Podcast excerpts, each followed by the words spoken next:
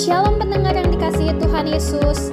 Sesaat lagi kita akan mendengarkan pengajaran firman Tuhan yang disampaikan oleh Pendeta Theophilus Maranata. Selamat mendengarkan. Selamat pagi. Selamat kita kembali berbakti dalam kasih dari Tuhan kita Yesus Kristus. Sebelum kita mendengar firman Tuhan, mari sebutkan ayat hafalan kita minggu lalu dari Amsal pasal 3 ayat 5 dan ayat 6. Saudara siap menyebutkannya? Kita sebutkan sama-sama. Satu, dua, tiga.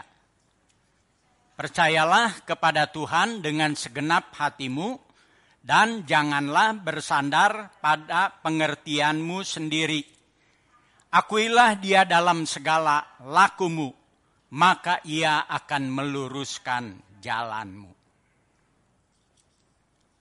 Hari ini ayat hafalan kita dari Ibrani 6. Ibrani pasal 6 ayat 15. Ibrani 6 ayat 15.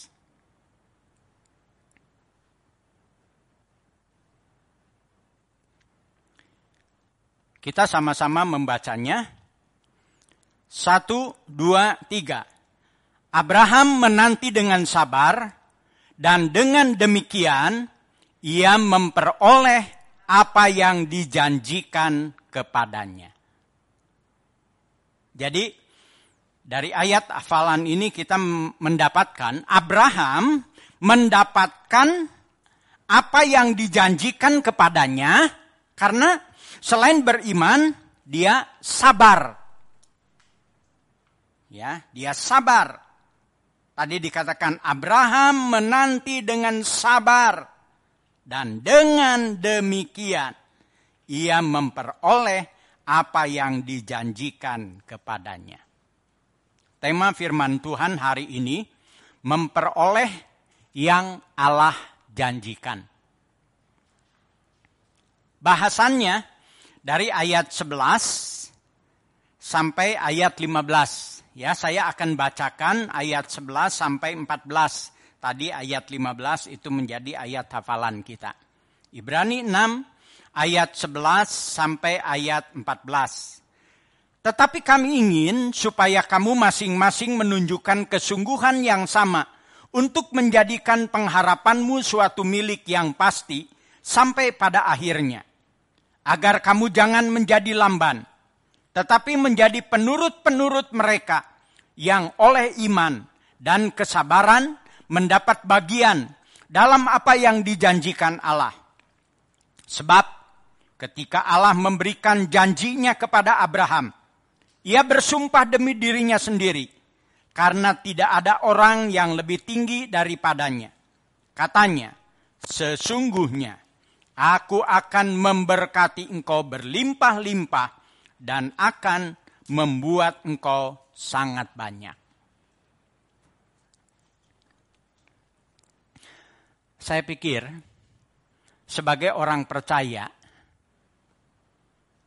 di hati kita tentu ada keinginan kita mengalami memperoleh apa yang Tuhan janjikan kepada kita. Dan Tuhan kan tidak pernah ingkar janji. Amin.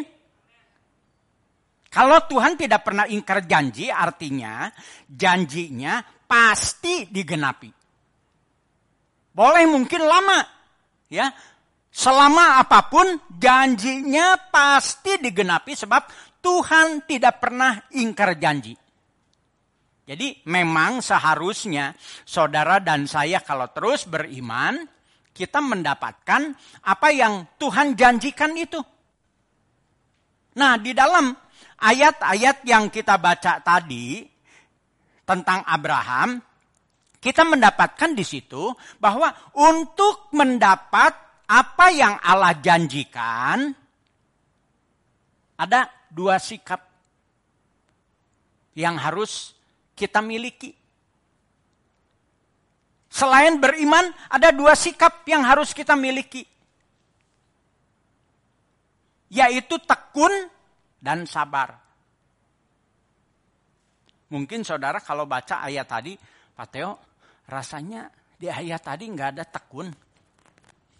Nah, kalau saudara baca ayat 11, dikatakan, tetapi kami ingin supaya kamu masing-masing menunjukkan kesungguhan yang sama, menunjukkan kesungguhan yang sama untuk menjadikan pengharapanmu suatu milik yang pasti sampai pada akhirnya. Untuk menjadikan apa yang kita harap-harapkan itu menjadi milik yang pasti di situ ditulis dibutuhkan kesungguhan. Kesungguhan. Nah, kesungguhan itu kalau saudara baca di kamus, kata lainnya itu tekun. Tekun juga adalah kesungguhan artinya. Jadi saya pakai kata tekun. Lalu tadi ayat 12-nya berkata, agar kamu jangan menjadi lamban, tetapi menjadi penurut-penurut mereka yang oleh iman dan kesabaran mendapat bagian dalam apa yang dijanjikan Allah.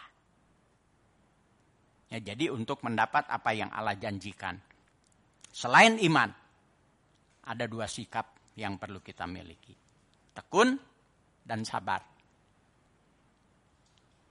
Sekarang yang akan kita bahas yang pertama, mengapa harus tekun dan sabar.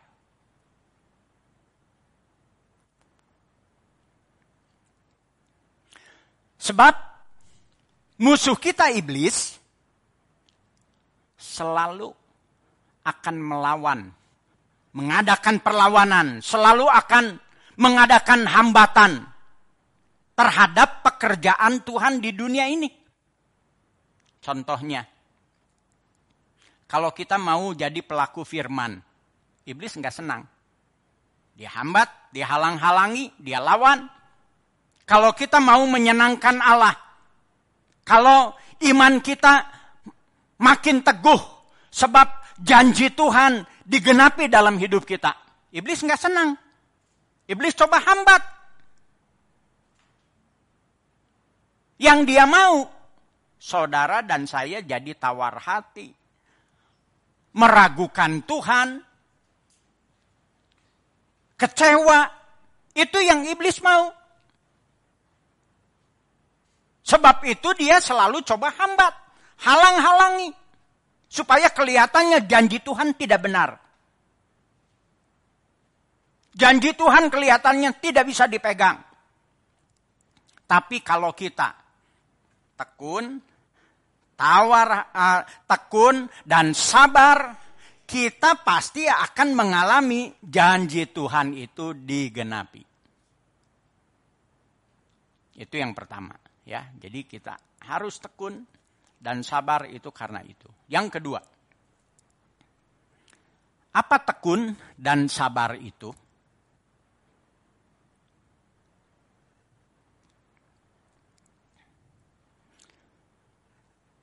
Di bagian pendahuluan tadi saya katakan ya di bagian satu bahwa tekun dengan sungguh-sungguh itu sama. Jadi apa itu tekun? Tekun itu sungguh-sungguh, terus bersemangat,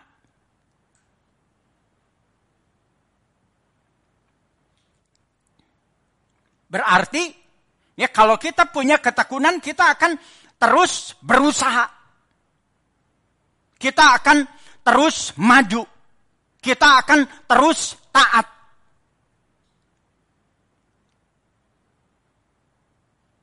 Lalu sabar. Di dalam bahasa Inggris, selain dikatakan passion, ya, sabar itu adalah long suffering. Long suffering. Bisa menderita lama.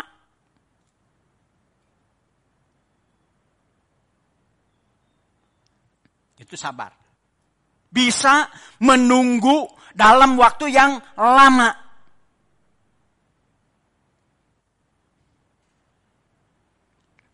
Alkitab banyak berbicara tentang menantikan Tuhan.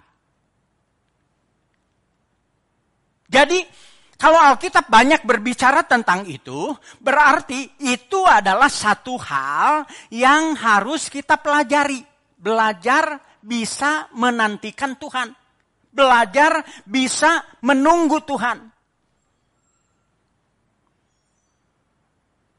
Itu yang Tuhan mau ada di dalam kehidupan kita. Dan memang untuk menerima apa yang Tuhan janjikan, kita harus bisa belajar menunggu. Bahkan menunggu lama. Menderita, bahkan menderita lama.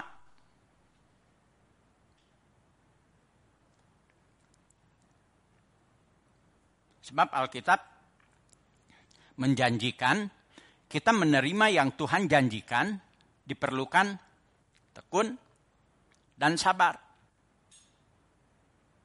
Kalau tekun dan sabar, kita akan memperoleh apa yang Tuhan janjikan. Abraham, tentang Abraham tadi dikatakan, Abraham menanti dengan sabar. Dan dengan demikian, ia memperoleh apa yang dijanjikan kepadanya. Waktu kita tekun dan sabar, kita akan menerima apa yang Tuhan janjikan. Dengan kata lain, kalau kita tekun dan sabar, kemenangan akan terjadi. Pemulihan akan terjadi, berkat akan terjadi. Karena itu kita harus belajar bertahan. Amin. Beritahu yang di sebelah saudara, kita harus belajar bertahan.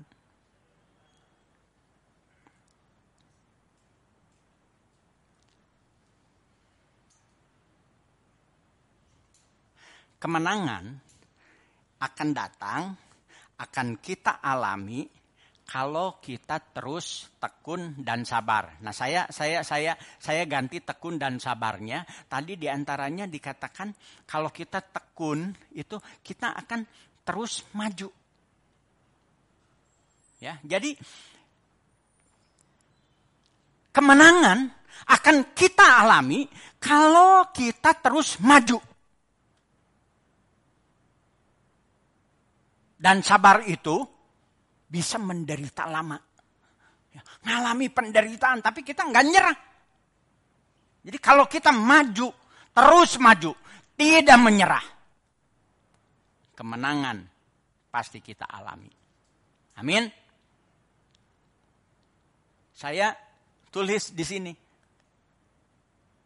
Jika apa pun terjadi, kita terus maju dan tidak menyerah, akhirnya setiap rintangan yang ada akan dikalahkan. Akhirnya iman kita akan mengalahkan setiap rintangan yang dihadapi. Setiap rintangan yang ada apa pun itu akhirnya dikalahkan. Kalau kita terus maju dan tidak menyerah banyak orang gagal di sini, yaitu karena banyak di antara mereka yang menyerah hanya karena apa yang Tuhan janjikan tidak terjadi seperti yang mereka inginkan. Biasanya, biasanya, ya umumnya kita semua, kita mau apa yang Tuhan janjikan itu kita, kita bisa alami, kita bisa terima segera. Begitu kita taat, ya, jangan lama-lama kita ngalami janji Tuhan itu. Waktu kita alami janji Tuhan digenapi, oh kita senang. Betul, amin. Janji Tuhan ya dan amin. Umumnya kita begitu maunya segera.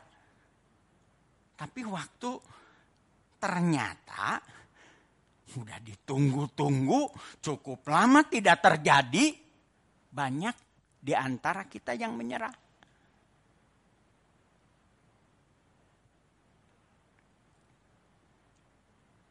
Dengan kata lain, banyak yang tidak sabar.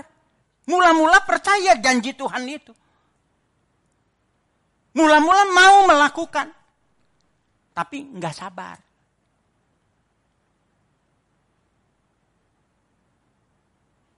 Abraham dijanjikan akan punya keturunan yang banyak. Jadi sangat banyak. Dia percaya. Tapi firman Tuhan tadi berkata, bukan hanya percaya, Abraham menanti dengan sabar. Dan dengan demikian ia memperoleh apa yang dijanjikan kepadanya. Beritahu lagi yang di sebelah saudara, kita harus belajar sabar. Ya, supaya apa yang Tuhan janjikan kita alami, kita harus belajar sabar. Amin.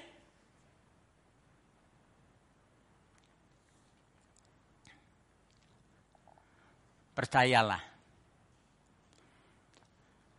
Tuhan tahu memberikan kepada kita pada waktu yang tepat.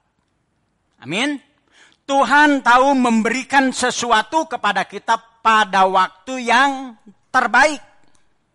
Dan selalu itu yang Tuhan mau lakukan. Diberikan pada waktu yang terbaik. Ingat ini. Mungkin Tuhan tidak menolong kita pada waktu yang kita inginkan. Tapi pasti waktunya yang terbaik. ada ada nyanyian yang berkata waktu Tuhan pasti yang terbaik. Walau kadang tak mudah dimengerti. Kita melewati cobaan, tapi pasti waktu Tuhan itu yang terbaik. Saya kasih contoh di Alkitab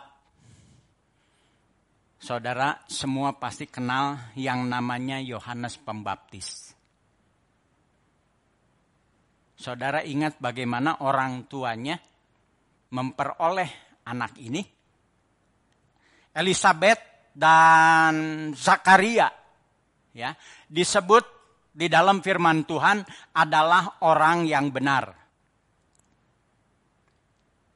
Lalu taat melakukan segala perintah Tuhan, taat kepada firman Tuhan, tidak ada cacatnya. Jadi ini orang luar biasa. Sampai Tuhan sendiri berkata tidak ada cacat. Dalam taat, dalam melakukan perintah Tuhan. Tapi nggak punya anak. Mandul. Sampai lanjut usianya.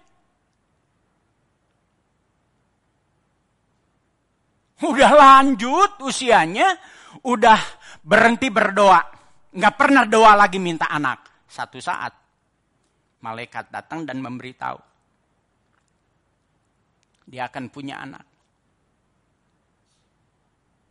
Biasanya kalau doa dijawab orang senang, tapi Sakaria waktu itu, waktu diberitahu itu bukan wah gembira.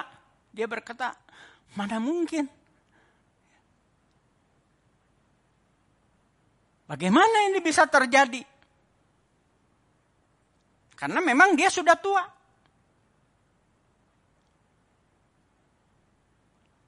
Mungkin dulu-dulu waktu nggak nggak dijawab, nggak dijawab doanya. Mungkin pernah juga muncul pertanyaan di hatinya, kenapa ya? Saya benar, saya sungguh-sungguh. Tapi apa yang diinginkan itu tidak mereka dapatkan. Ternyata kalau Tuhan tunda, tunda, tunda sampai lama, waktu Tuhan itu betul yang terbaik. Sebab Yohanes Pembaptis, kalau kita baca itu dilahirkan berdekatan dengan Yesus. Ya, sebelum Yesus menjadi pendahulu Bahkan yang menjadi pembaptis dari Yesus sendiri.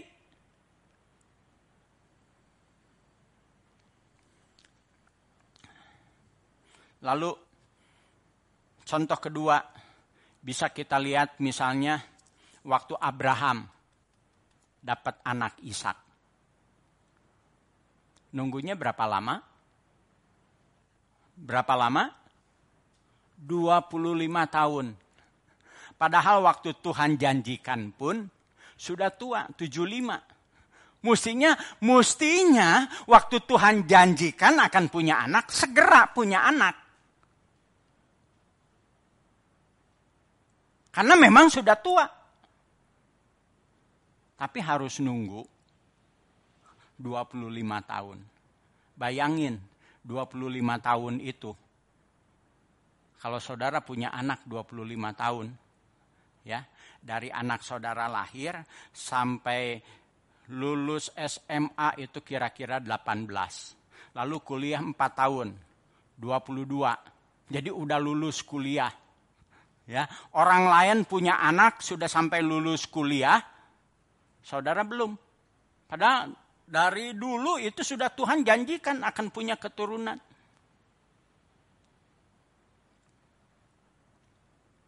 Secara manusia sudah akan berpikir, gak mungkin.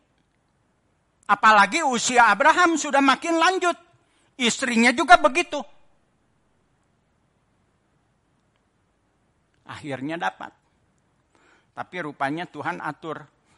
Ya, Tuhan atur supaya cocok dengan Ribkah yang jadi calonnya. Tuhan tahu ditunda, tunda, tunda, tunda. Kenapa? Ribkahnya belum belum ada. Kalau langsung di, dikasih janjinya waktu umur 75, Ribkahnya belum ada.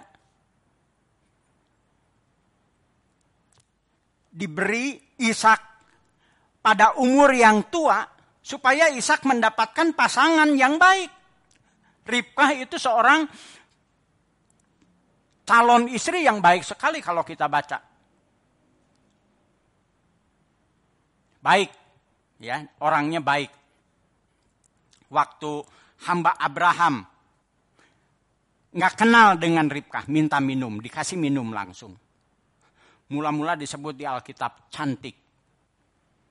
Cantik, baik, ya. Minta minum nggak kenal, dikasih minum, bukan hanya dikasih minum. Dia berkata, unta-untamu juga akan dikasih minum sampai puas.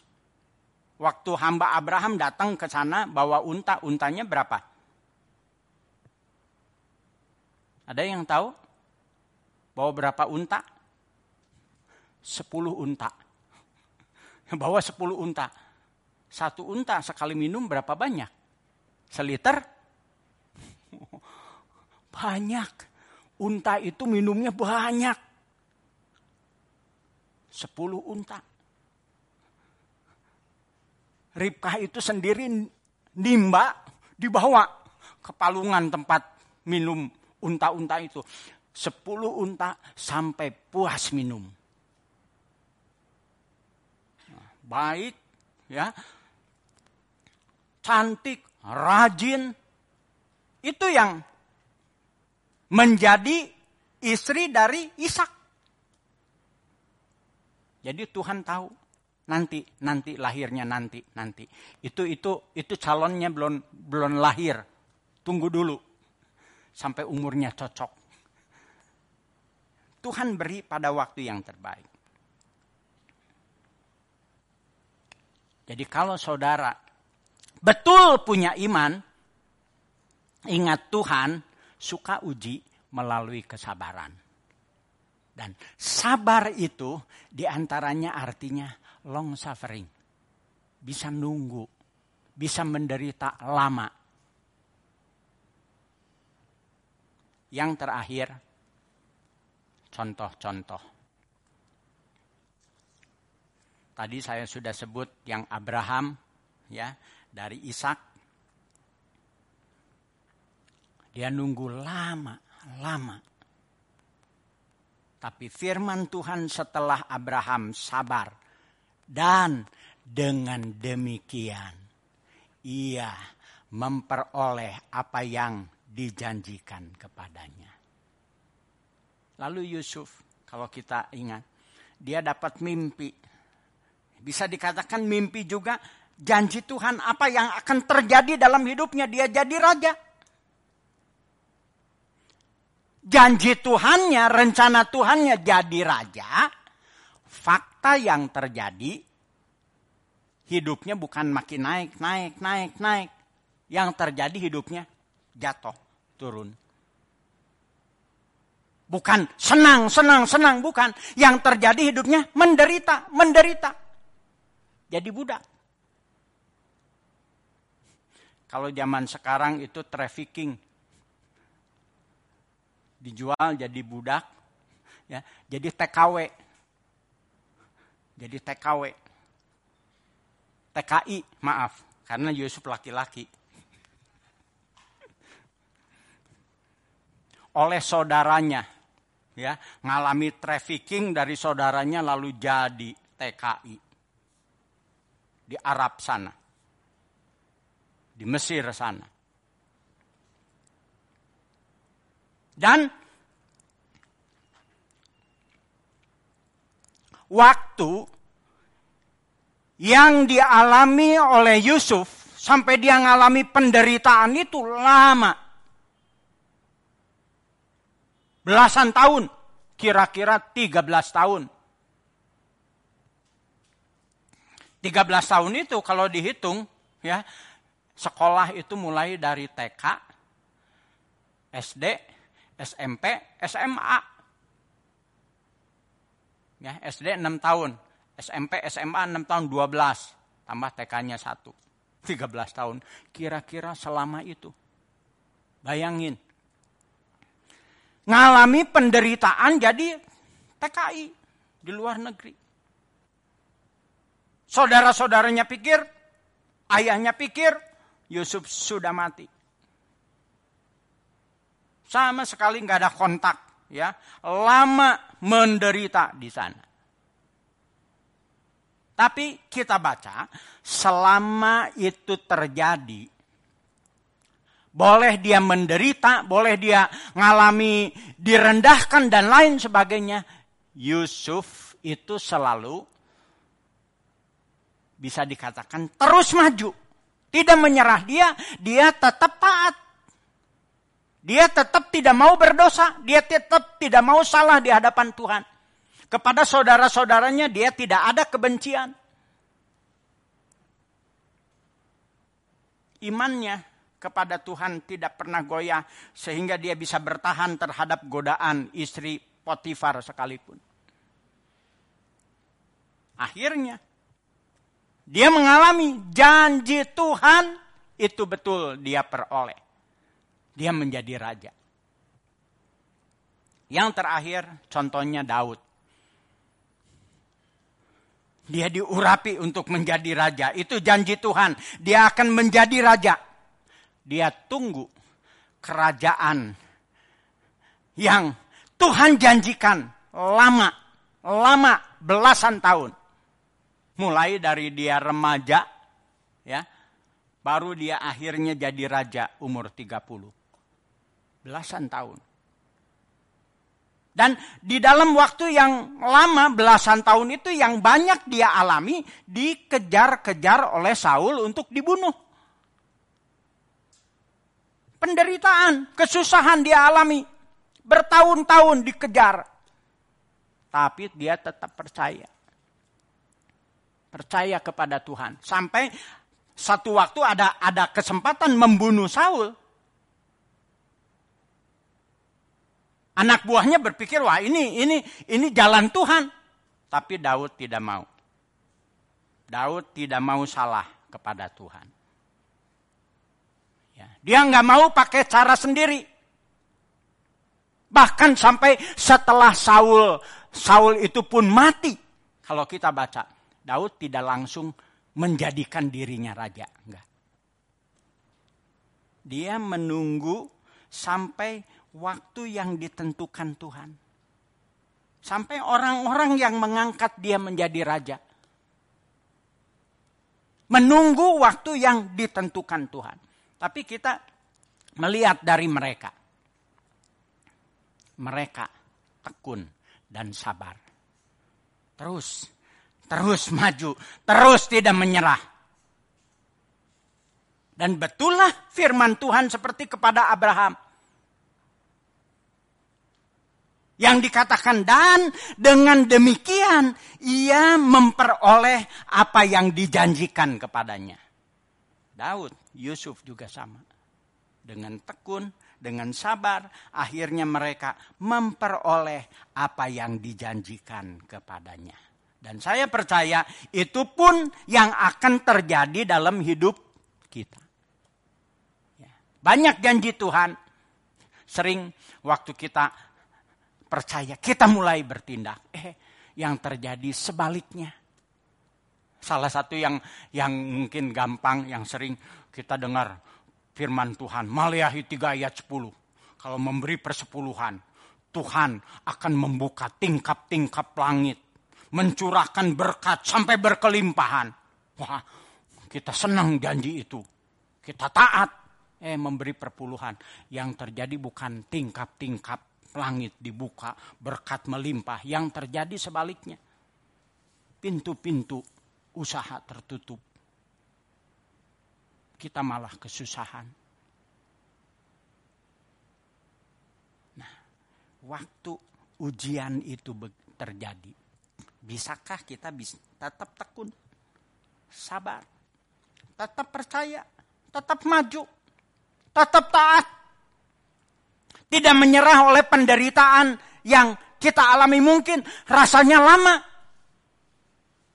Tapi waktu kita tekun dan sabar, janji Tuhan ya dan amin. Amin.